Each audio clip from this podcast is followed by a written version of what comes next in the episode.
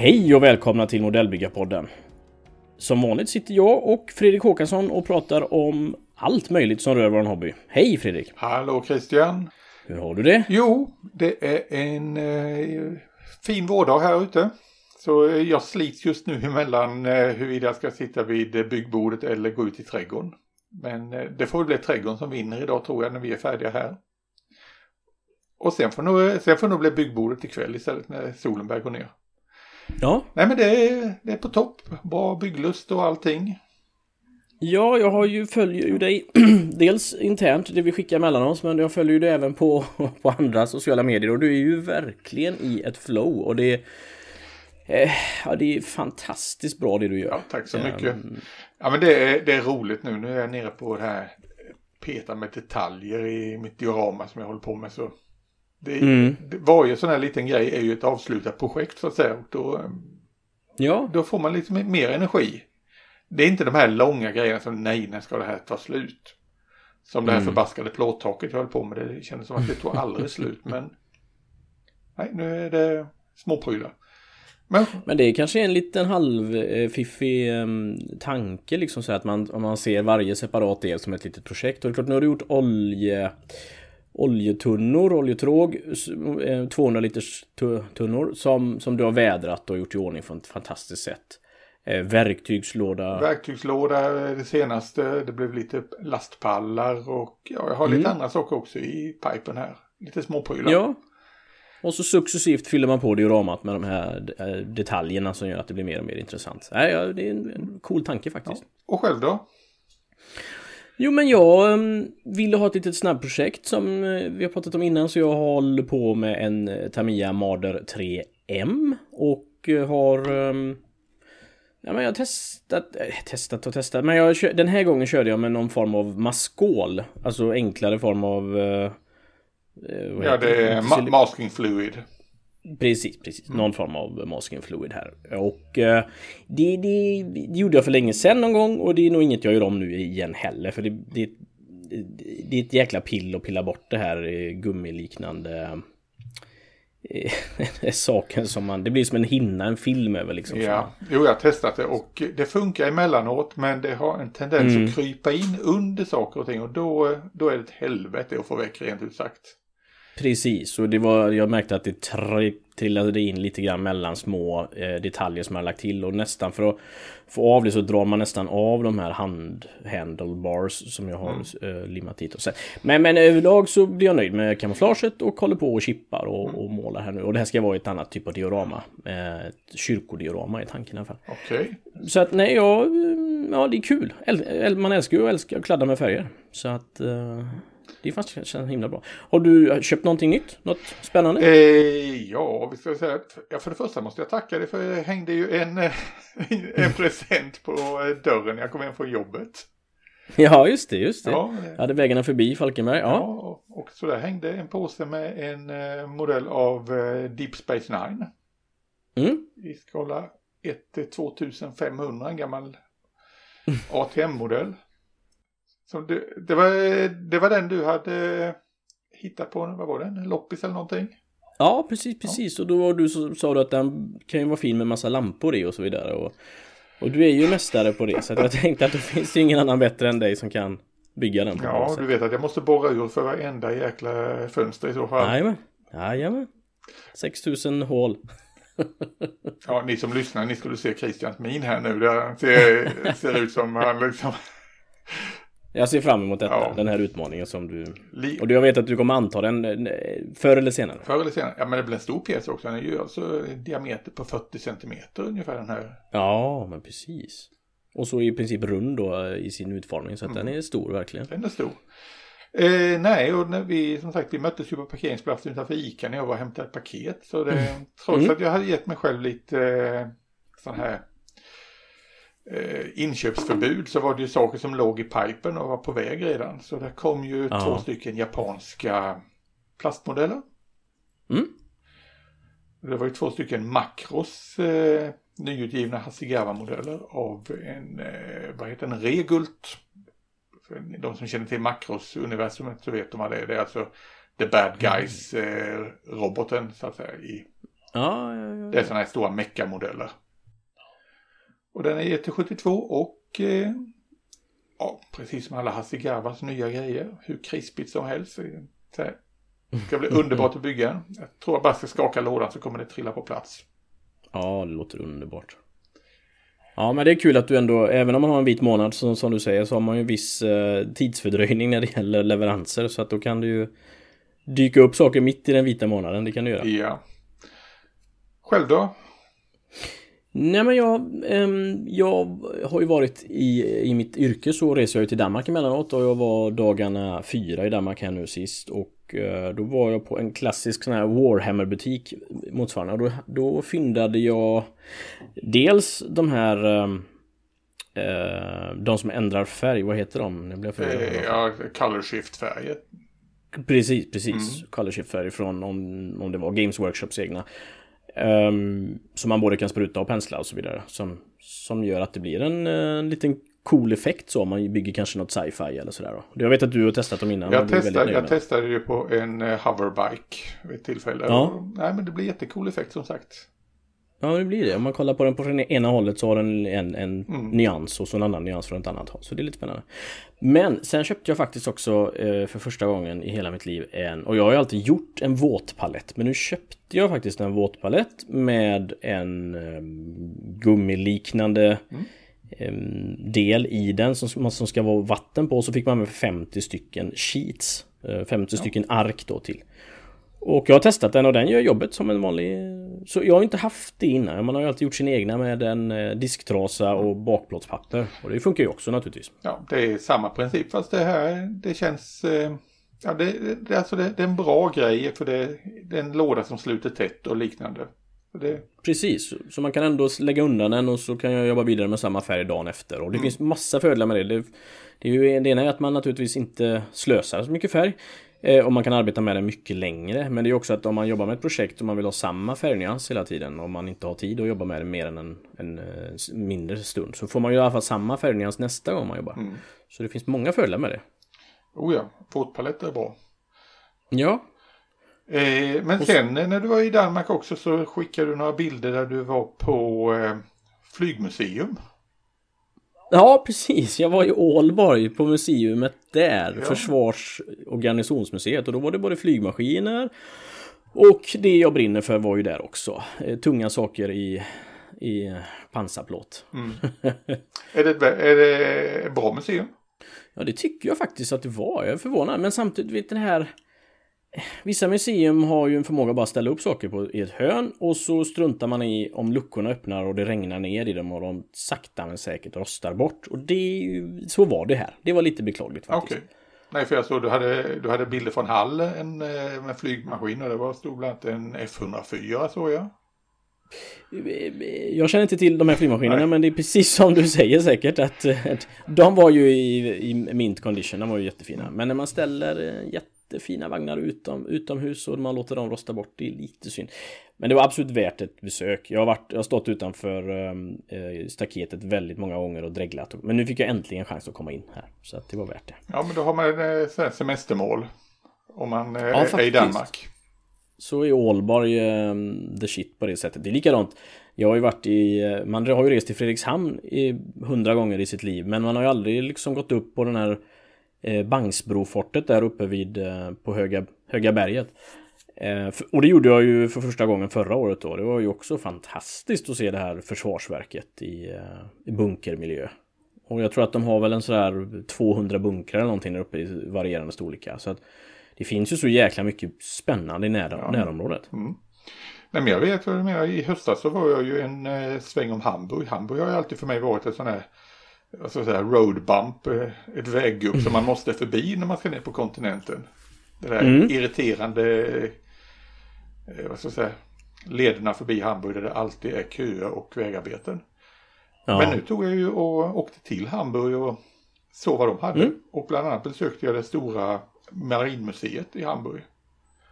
ja, det låter Alltså ju... det var ju fantastiskt. Det var ju... Jag var tvungen att lämna där efter en halv dag för att då var jag helt trött i fötterna och benen. Men alltså så mycket fartygsmodeller. Jaha, så eh, jag kommer återkomma dit. Ja, vad kul. Och så är det ju ganska nära pansarmuseet Munster också. Det är ju bara en dryg man, timme därifrån med bilen. också. Så att, ja, Alltså det är ett fantastiskt museum. Våning efter våning efter våning.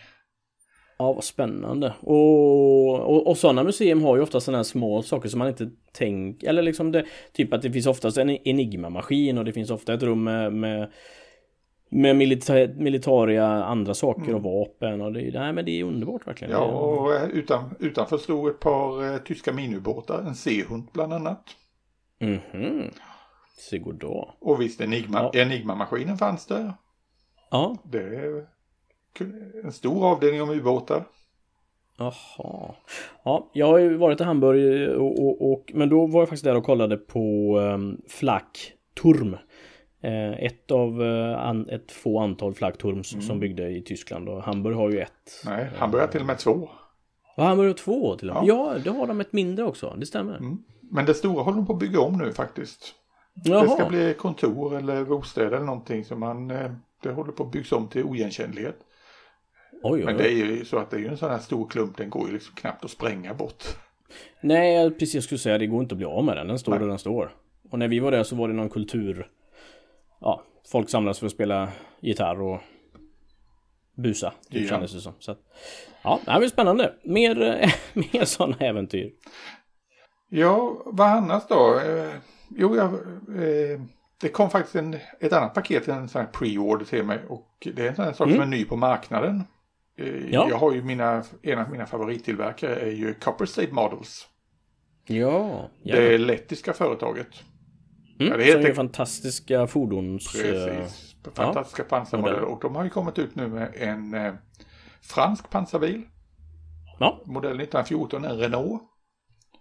Och eh, jag beställde den på pre-order och det var lite roligt. Den vanliga modellen, där är sex stycken olika märkningsalternativ. Men med pre-ordern så fick man till fyra till. Och lite roliga Oj, extra oj. dekaler.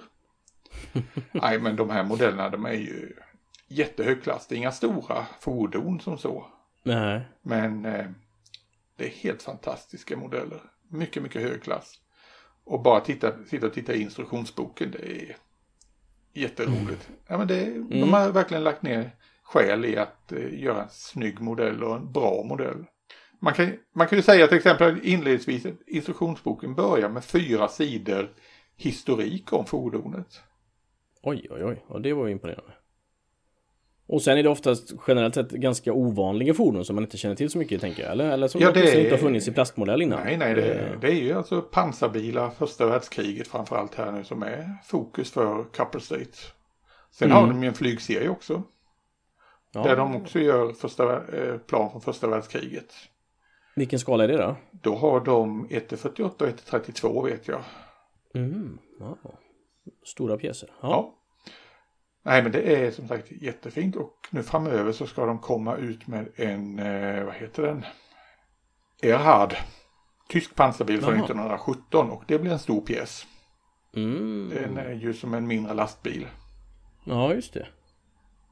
Ja, vad kul. Ja, men... ehm, det, är- det är nyttigt och kul med lite ny, ny frisk fläkt liksom på modellmarknaden. Mm. Ja. Verkligen. Och eh, när vi ändå är inne på nyheter så har jag en stor nyhet. Mm. Och det är att Per-Olof Lund kommer ut med en ny bok här nu.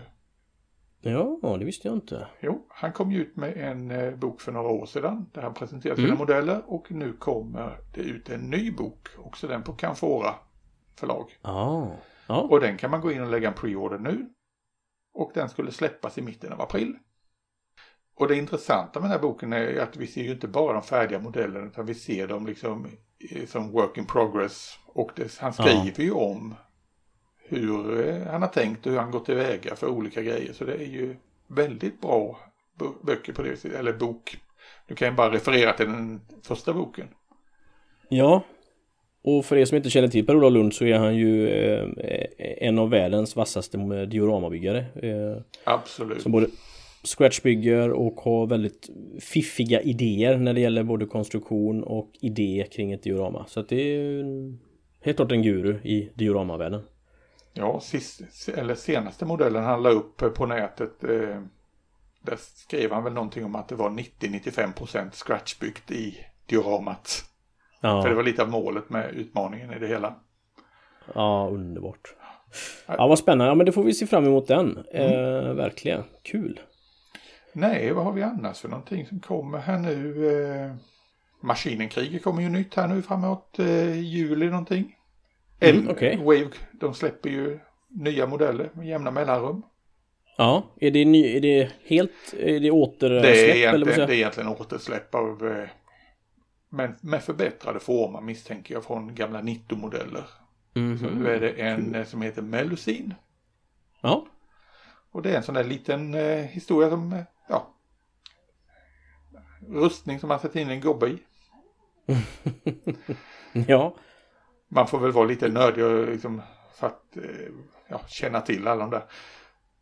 Får väl se hur många mycket som dyker upp här i Sverige av det. Annars, Ja, annars får man lägga en eh, beställning till Japan. För man, Ja. man ska veta när det gäller de här modellerna att de finns ju ett kort tid och sen försvinner de. ju. Och är borta Mm. en tio år. så man får verkligen bevaka och vara inne ofta och se om... Eh, Är man nördig på sånt så får man göra det. Ja. ja, verkligen. Och så finns det ju vissa av de här Mac-sakerna som faktiskt finns i större upplagor som går att få tag på. ja, det som är Hasegabas grejer, de finns ju i större upplagor. Ja, det känns ju ändå tryggt. Och det är ju precis lika häftigt och lika fint. eh, Tycker jag i alla fall. Nu är inte jag lika nödig som du. Men eh, jag förstår att det kan finnas ett visst affektionsvärde i olika typer av... Eh, Det blir väl så när Filmer. man eh, börjar samla på dem. Så ja, ja, såklart. Ja, väldigt spännande, väldigt spännande. Jag kan säga också att eh, Trumpeter kommer med ett nytt fartyg här nu. De Mm. kommer ju med nya fartyg lite jämt om, men ett som eh, jag tyckte var lite intressant och det är ju ett eh, tyskt hangarfartyg som började byggas 1942. Mhm. Vi känner ju Ja. alla till den här hangarfartyget Hindenburg. Som eh, man byggde på som aldrig blev färdigt. Men man byggde faktiskt Ja, fler än så. Man höll på, 1942 så kölsträckte man ett fartyg som skulle heta Weser. Mhm. Men eh, sen gav man upp det efter något år. Och eh, den blev ju aldrig färdig. Man insåg att ytfartygens tid var förbi för Tyskland då. 42-43. Ja, okej. Så eh, efter kriget så tog väl ryssarna och eh, tog hand om skrovet, boxerade bort och skar väl upp det misstänker jag i slutändan. Ja. Men det är, nu kommer det i modell i alla fall. Men hur, han, hur, hur färdigt han det bli då? IRL? Nej, jag tror att eh, skrovet ungefär han blev färdigt. Mhm, mhm. Det Så det är en väl, liten, för jag tänker Paper Panzers är ju absolut ett tema i pansarvärlden, Mm. men är det även det i båtmodellbyggarvärlden kanske? det har väl börjat bli lite så känns det som att eh, och det är Ja. väl att de mjölkar, mjölkar ut vad ska man göra sen när man har gjort modell av alla fartyg höll jag på att säga. Ja, jo. Där kan vi se till exempel att Trumpeter, nu har de ju gjort alla de stora hangarfartygen, alla de stora amerikanska. Ja. Så nu ger man sig på eskorthangarfartygen. Mhm. Det kom ju tidigare i år en, ett eh, eskorthangarfartyg från Trumpeter. All right. Ja. i 1-350. Och det är ju för sig små roliga grejer. De är lite lätthanterliga på det, storleksmässigt. Mm. Det är inte de här Ja. 70-80 centimeterna som en eh, Hornet eller Enterprise eller Saratoga tar. Nej, nej. Nej, men det är lite spännande. Vi har pratat om det innan det här med att, att en skala i i båt kan skilja så oerhört mycket utifrån det är naturligtvis det objektet som den ska åter, Ja. återskapa eller så här. Och det, det, när jag köper ubåtar, eh, tyska ubåtar 1-350 så är de ju förhållandevis väldigt små. Och det är ju för att de var små på riktigt. Så att det är ju... Ja. Och då ska du jämföra det- med mina hangarfartygsmodeller ET350 som jag har liggande. Mm. Det är lite skillnad. Ja, men det blir ju verkligen det. Det blir ju faktiskt det. Du, eh, du jag vet att eh, när vi var nere på C4 i eh, höstas då blev du ju helt betagen av en modell. Precis. Det blev ju absolut likt många andra tänker jag. Eh, och det var ju bland annat eh, Marcussons stridsvagn 122. Mm. Och du har inte kunnat släppa den här har jag förstått. Nej men det har jag inte och det blir ju Jag tycker att det är fascinerande när man bygger en, en, ett objekt som och man nästan gör det till ett diorama i sig självt eh, i form av detaljer som gör att man vill veta och se mer. Och det gav det här eh, objektet ett stort eh, Det här objektet i alla fall inspirerade mig väldigt mycket att gräva djupare i eh, både vem som har gjort det och, och, hur han har gjort det. Så att jag har fått äran att prata med Marcus Eriksson gällande eh, det här bygget och jag tänker att vi lyssnar på det nu, den intervjun. Mm. Ja, vi rullar bandet. Det gör vi.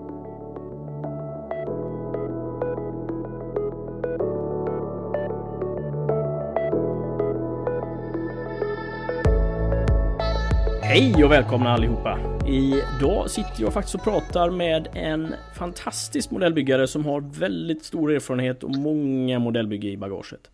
Eh, jag sitter och pratar med Marcus Eriksson. Hej Marcus! Hejsan! Hej! Du kallas, bland dina vänner kallas du för Macke, är det sant? Det stämmer nog rätt så bra. det stämmer bra. Vi håller oss till Marcus idag kanske. Det kanske är bäst för alla så att vi vet vem vi pratar med. Här. Eh, har du en, en bra dag idag? Ja, visst har jag det. Ja. Absolut. Ja, vad härligt, vad härligt. Hinner du med, nu när vi pratar så är det lördag. Har du hunnit med att bygga någonting? Jag inte det idag. Det har varit en dag med massa andra aktiviteter. Jag har bland annat suttit och skrivit på en artikel som jag oh. håller på så att, Nej, ja, okay. men det kanske får se. Vi får se, vi får se. Ja, vad spännande, vad spännande. Vad, vill du berätta lite grann om dig själv, eh, Marcus? Som sagt, vi har ju sprungit på varandra under årens gång genom en gemensam byggkamrat. Eh, så vi har lärt känna varandra lite grann. Men du får gärna berätta mer om dig själv. Absolut. Eh, jag är 47 år gammal. Jag har två barn och en sambo. Mm. Och jag ett samhälle som heter Ljungbyholm cirka en mil söder om Kalmar. Eh, ja, jobba här och må bra. Allmänt mm. trevligt. ja, vad härligt. Och eh, på fritiden så, så går det en del tid åt ditt modellbygge tänker jag. Det gör ju det. Det gör ju det. Eh, svårt att uppskatta i tid, men det är klart att det blir ju, det blir ju några timmar per vecka, så kan man ju säga. Ja, faktiskt. ja, ja. Ja men jag kan tänka mig det. Och för de som inte exakt kan placera dig så eh, ditt sista, eh, vad ska man säga, eh, inslag i modellbranschen, det senaste har ju varit ditt fantastiska bygge av en stridsvagn 122 1-35. Eh, som vi kunde se på C4 i Malmö i eh, oktober. Just det. Och sådana byggen, det, det, du går igång lite på det, jag på säga. Du, går, du fördjupar dig och du engagerar dig djupt i dina projekt och, och gör ingenting halvdant så att säga. Vad, vill du beskriva lite grann hur du kommer dit? Att du känner att det här vill jag bygga och, och vad som tar dig till nästa steg liksom? Det kan vara så himla olika det där, men mm. det, det, kan vara allt från en, från en känsla, att man liksom ja, ser en film eller man läser en bok där någonting man vill uttrycka. Ja. Till himla banalt och enkelt som att ja, men jag, jag älskar den här typen av stridsvagn. 122 är det är odiskutabelt i min värld. Så att det är, en, det, är en, det är en gammal dröm att bygga en sådan. Ja, och jag har ja, byggt det 20 år sedan. Och nu kände jag det att nej, men jag skulle vilja bygga en igen fast gå all in på det. Mm. På så att eh, absolut. Eh, och ja, på den vägen är det väl egentligen. Ah. jag lyckades få tag i ett jättefint resinkit mm. från HK via en gemensam vän till dig och mig. Mm, ja. den vägen är det väl. Det var väl där det började någonstans. Och sen började jag samla på mig grejer mm. som, som jag vill använda och bygga. Man kan ha nytta av helt enkelt. Eh, I samband med det så släpptes också både Models Leopard 2 A5 som är en riktigt, riktigt fin modell. Oh. Där kan ju få inspirationen att öka ytterligare några snäpp när man vet att det är ett bra grundkit att jobba utifrån så att säga. Ja men så är det. Vi har ju pratat om det innan jag och Fredrik också att det är ju verkligen en, en guldera. Eh, och i, både i form av inspiration men också material. Att det kommer hela tiden nya fantastiska kit liksom.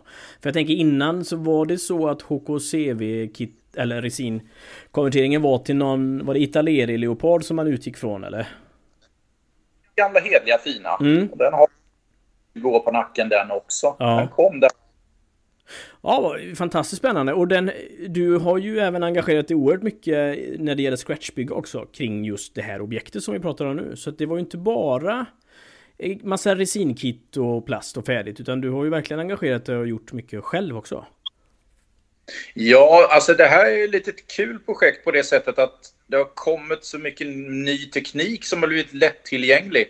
Eh, som det här med 3D-printning och sådana här saker. Mm. Eh, och eh, jag har ju ingen utrustning till det själv och jag är ingen mästare på att designa i 3D eller något sånt. Men jag har ett bra kontaktnät med många vänner som har hjälpt mig mm. på olika sätt. Eh, både vad det gäller egentligen referensmaterial men även eh, att designa så att säga delar efter mitt önskemål så att säga. Ja, ja, ja. Eh, och även dekaler har vi designat och gjort specifikt för just denna vagnen då. Ja. Eh, att, nej, men det har varit ett kul projekt för att det har liksom dratt iväg långt mer än vad jag hade tänkt från första start. Och det är det som är så roligt med ett projekt när det blir så mycket mer än vad det var tänkt från början. Fast man blir nöjd. Det blir så mycket bättre än vad jag själv egentligen hade tänkt från, från allra första början så att säga. Så kan man säga. Ja, men jag förstår. Eh, det mm. blev ju väldigt väl mottaget också bland eh, i, i modellbyggarvärlden. Så att det var ju fantastiskt gensvar, eh, ditt arbete. Ja, det är alltid skoj. Ja, såklart. Absolut. Hur, hur, gör du för att bibehålla motivationen i ett sånt? Eh, nu vet jag inte i, i månadsvis hur lång tid det tog, men, men jag tänker att det är ett projekt som sträcker sig över ganska lång tid. Det tog, jag tror jag startade det här 2019 och det var ju klart nu då i princip en månad innan C4. Ja, ja. Eh, jag säger så att jag tycker nog att det är ganska kul att ha någonting att hålla fast vid. Mm. När man väl är inarbetad i ett projekt, då, då har man alltid något att falla tillbaka på om du förstår. Ja. Du behöver liksom inte... Jag, startar jag ett nytt kit, en, oavsett vad det är, så kan det ta liksom en vecka innan jag kom, jobbat mig in i det och känner att jag liksom trivs med dem. Förstår du ja, vad jag tänker? Ja, jag förstår. Jag förstår. Händer det att du, att du avfärdar ett objekt för att du känner att det här var faktiskt inte så kul som jag ville att det skulle vara?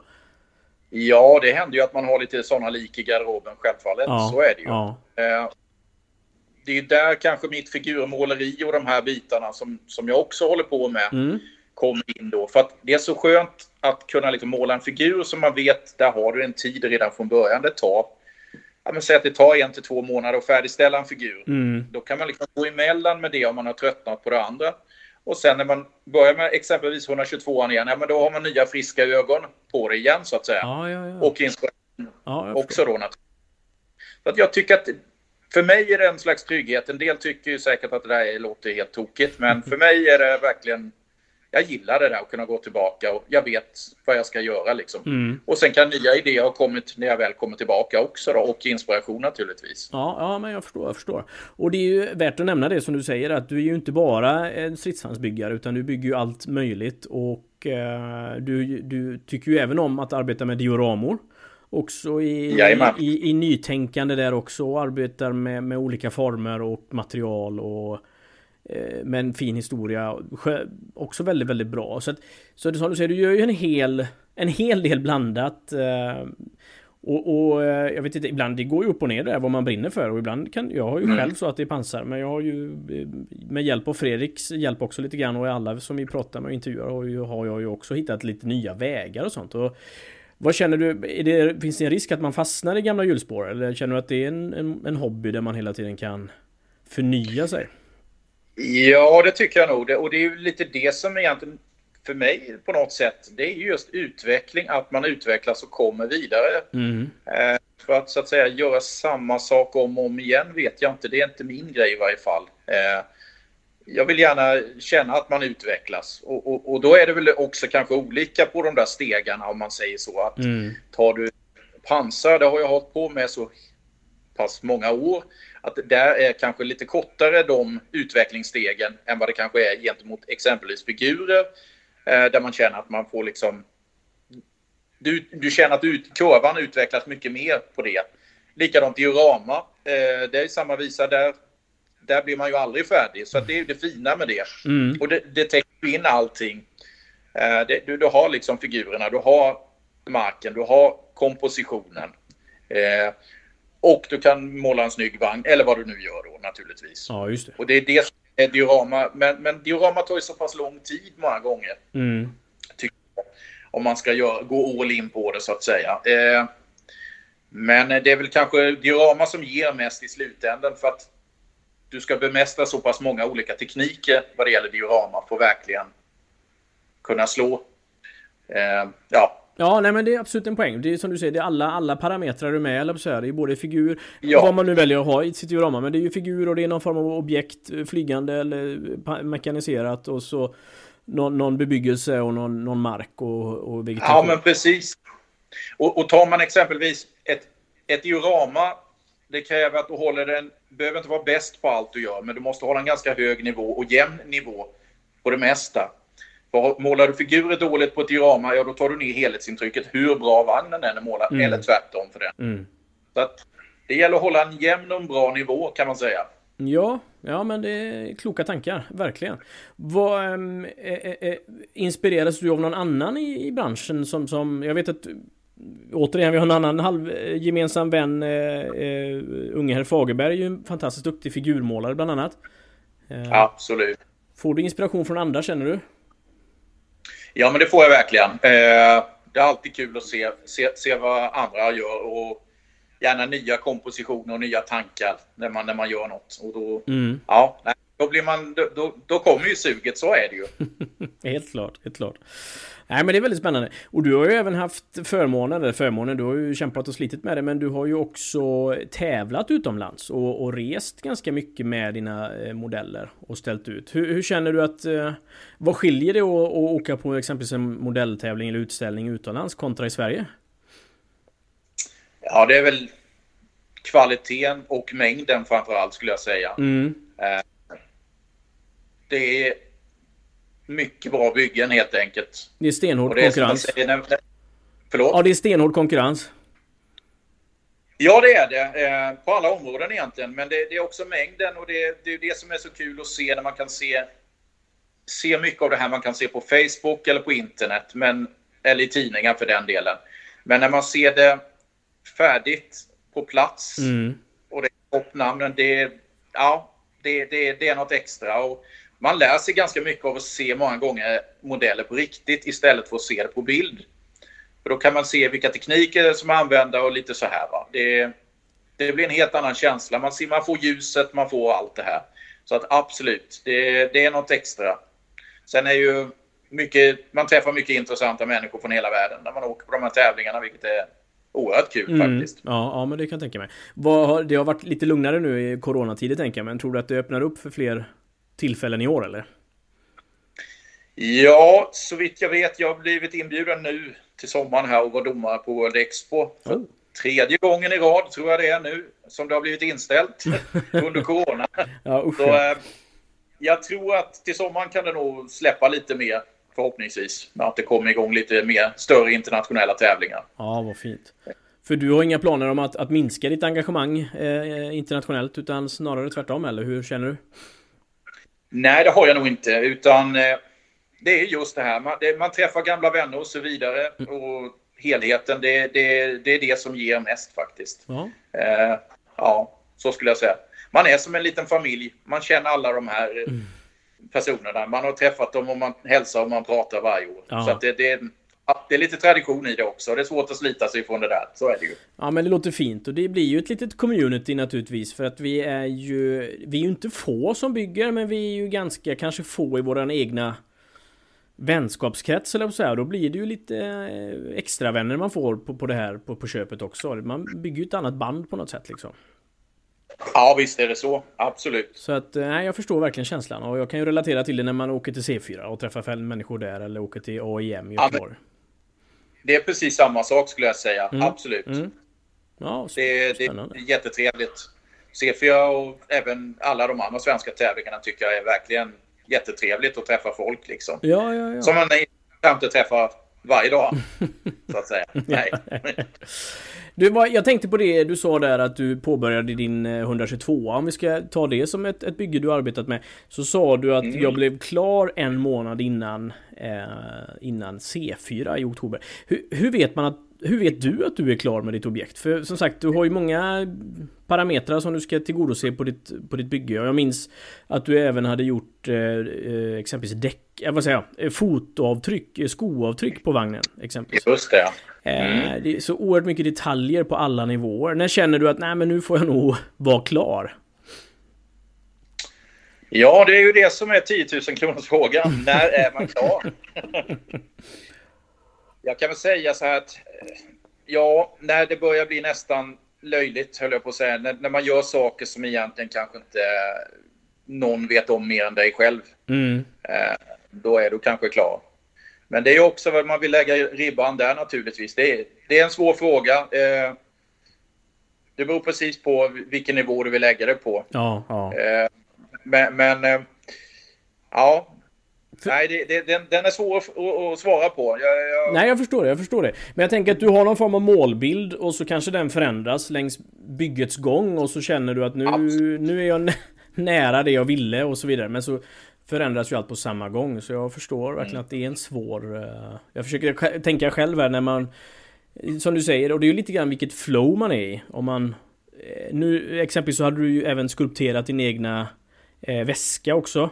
Eh, Ja, precis. Eh, både den där Stridssäck 2000 och en bärs, eh, Stridssäck 2000 och bärsäcken också. Mm, mm. Eh, som som eh, Stridssäcken den fick jag hjälp av en eh, kollega och, 3D-printa. Right, eh, men sen har jag skulpterat om den och detaljerat upp den med fotorätt och sådana här saker. Mm. Eh, och eh, nej, men det ger den där lilla extra touchen. Jag vill gärna ha figurer med som, som så man liksom verkligen kan knyta ihop det och packningar och det här. Ja. Och det ska kännas trovärdigt. Det ska inte vara att man använt en brittisk packning från andra världskriget eller något liknande. Utan ska det vara svenskt, då ska det vara svenskt. Mm. Det är min ambition när jag börjar med ett bygge i varje fall. Att så långt det bara är möjligt så vill jag liksom nå så långt det går. Ja, ja. Eh, sen, sen når man ju aldrig hundra, men ambitionen och målbilden är ju sån. Mm. Så skulle man kunna uttrycka det. Ja, spännande.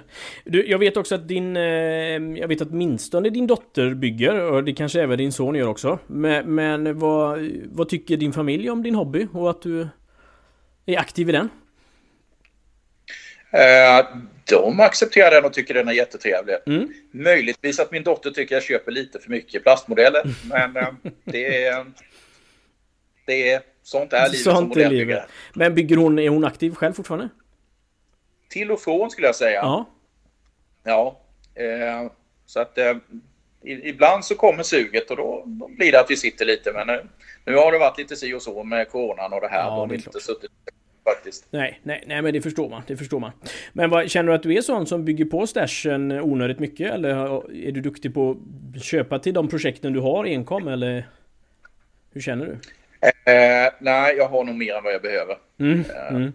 Det, är den, det är det enkla svaret, så är det. Eh, kan man få för mycket? Jag vet inte. Det är den frågan man ska ställa. Nej men precis, det är väl det här om man, om man har så att man, det räcker till, till resten av livet om man inte köper någonting mer. Och, och, eh, och dit kommer man väl ja, kanske, kanske ganska snabbt eh, på något sätt. Jag vet inte.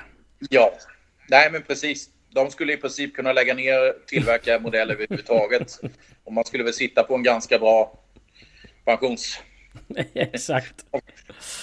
Ja, det är faktiskt sant. Vad, vad har du för projekt just nu? Är det något, eh, är det kanske hemligt? Eller är det... Nej, det finns inga hemligheter så. Nej, det är nog lite figurer och sen har jag ett litet sånt där... Jag gick och köpte både Models nya Crusader 2, den här tyska historien, mm. nu. Ja. Eh, och den tänkte jag faktiskt ta och göra någonting som jag sällan brukar klara av och det är att bygga ett out of the box-bygge mer eller mindre. Eh, det är något jag har väldigt svårt för för att jag snöar i regel alltid in på referensmaterial och hur det ska vara och sen mm. vad man kan förbättra och just hela den här biten. Så vi får väl se hur det går. Ja, nej men jag förstår det och eh, det kan vara svårt att hitta den balansen för dels har ju eh, objekten, modellobjekten blivit oerhört mycket bättre naturligtvis än vad den var på 80, 90-talet och 00-talet. Eh, så att i teorin kan man ju lättare bygga en out of the box nu. Men också så kanske man då själv utvecklas som modellbyggare och vill ändå vill lägga sin touch eller man vill ändå förändra och ta bort och lägga till någon tunnare metalldel och så vidare. Så, vidare. så att jag förstår att det är en um, liten svår balans faktiskt att bygga någonting out of the box. Ja, ja men det är när man ja, när man väl har, har gått in den vägen så är den svår att gå ur. Mm, så känner mm.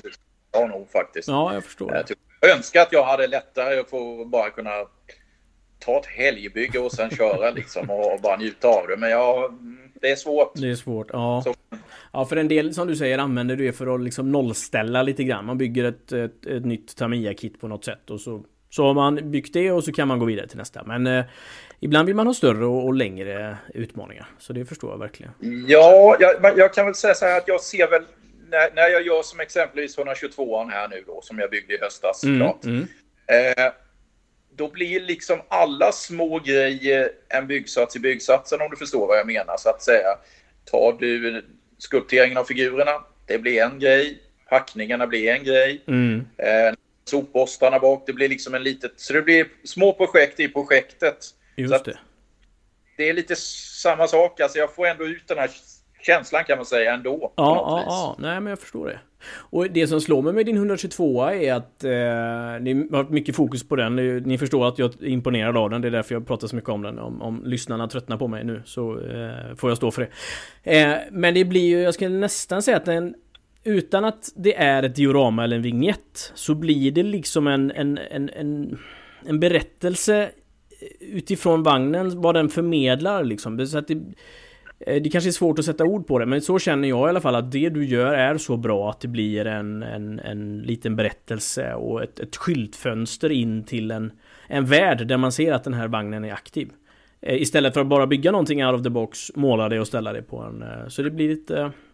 Jag vet inte vad jag ville komma med det, men jag kände att det, jag förstår, ja, förstår det här med... Det, det, är väl lite så att där, där är, kommer den här dioramabyggaren i, i mig in lite, för att en stridsvagn eller en modellkit utan någon mark eller någon i sitt rätta sammanhang. Även där kommer ju figurerna in som jag säger. För att jag, för att kunna relatera till en stridsvagn så bör man ha figurer anser jag. Mm. Eh, få sätta det sitt, i, i sitt rätta för då får du proportionerna på det och liksom även det här vilken miljö det utspelar sig i. Även om det bara är en vignett som, som, som en ren display så mm. lyfter det helhetsintrycket så pass mycket mer. Mm. Ja men det gör det hela väldigt intressant och gör att man vill titta mer. Om man vill leta efter fler detaljer och, och, eh, och jag har ju själv varit domare nu två, två år i rad på C4 och eh, det är ju det här man nu dömde jag inte din klass där men eh, man vill ju att det ska fånga ögat på något sätt. Eh, om man nu om man fokuserar på att döma. Sen kan man bygga av andra saker också. Andra anläggningar. Men eh, mm. det, det, var det nog det jag fastnade för den. Att du har ett litet dioramatänk i ditt bygge. Det är väl värt att ta med sig. Det tar jag med mig som en liten erfarenhet också för mina egna framtida byggen. Ja, det finns alltid där. Det är tänket. Det, dioramabyggarnien, den, den växer och frodas. Den finns där hela tiden. ja, det gläder mig. Du min vän, eh, jag är oerhört tacksam för att du har ställt upp på den här intervjun och eh, jag hoppas att, eh, att våra lyssnare har fått lära känna dig lite bättre och också eh, ska hålla ögonen ännu upp mer för dina byggen framöver. För du har ju så mycket att bjuda på och väldigt mycket att, lära eh, andra. Så det är väldigt, väldigt tacksamt. Eh, så att jag, eh, jag låter dig fortsätta ta lördag här. Så tackar jag ödmjukast för att du ställde upp. Helt enkelt. Jag tackar själv allra ödmjukast för en mycket trevlig intervju. Tack så mycket. Så, så hörs vi och syns vi framöver. Det gör vi. Ja, men, ha det bra. Tack. Hej, hej, hej.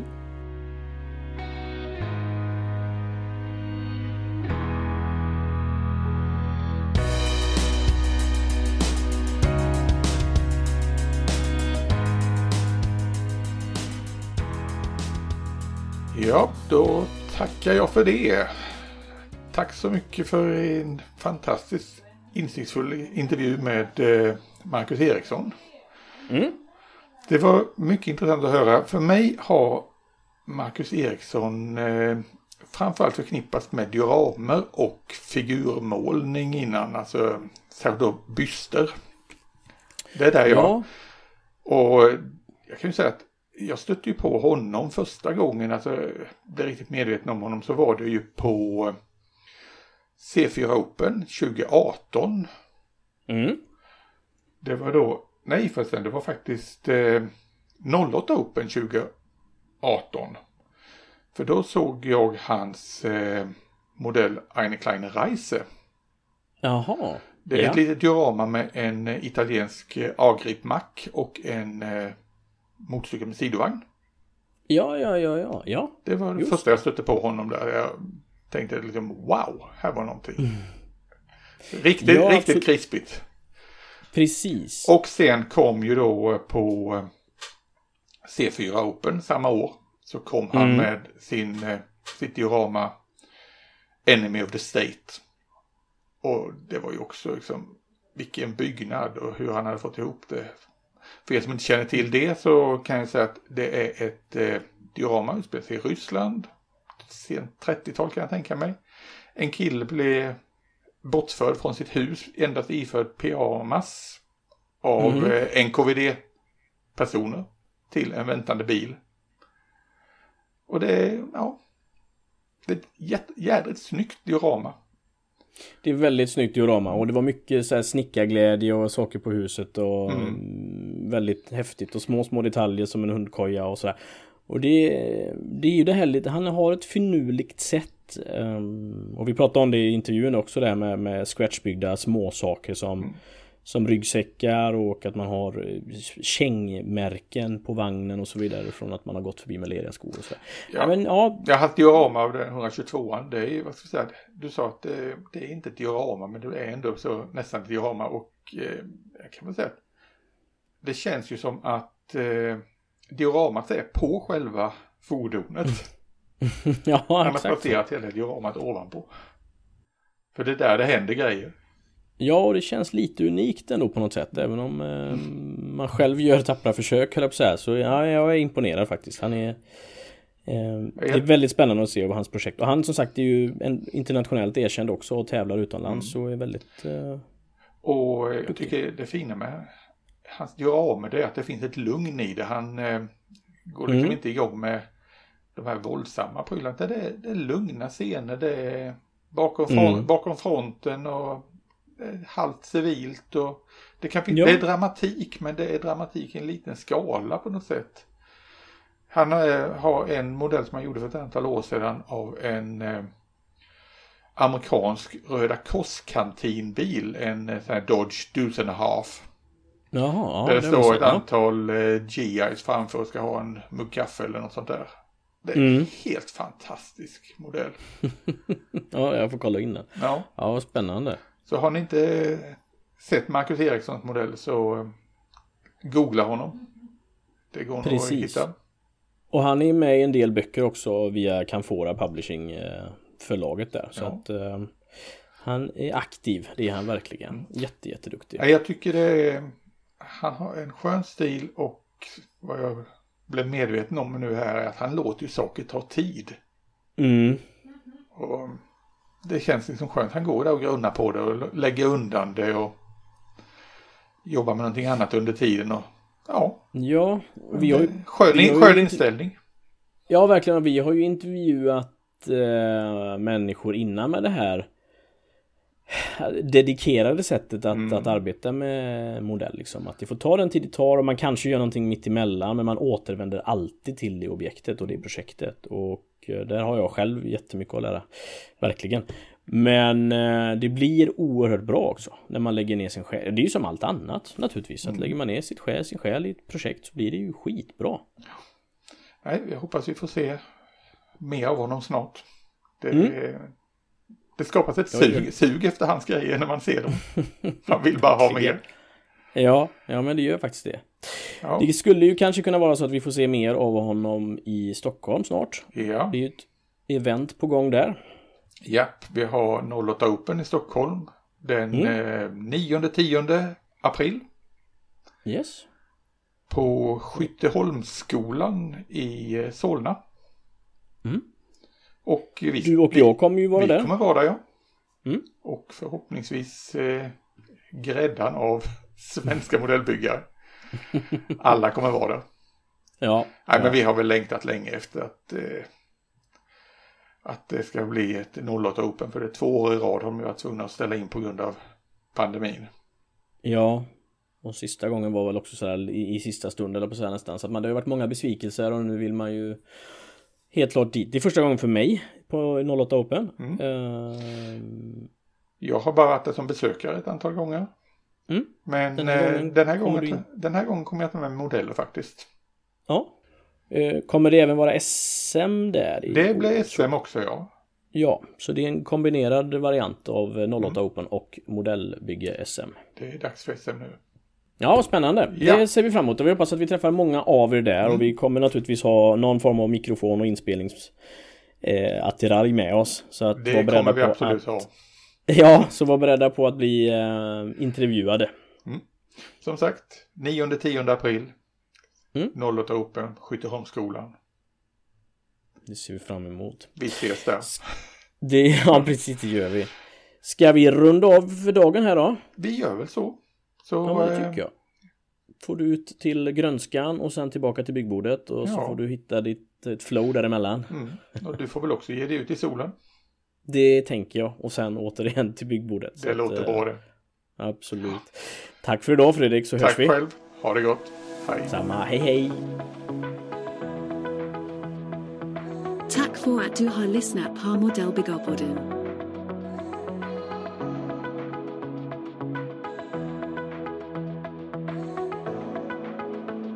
Mod, mod, mod, mod, Modellbyggarpodden. Mod, mod, mod, mod,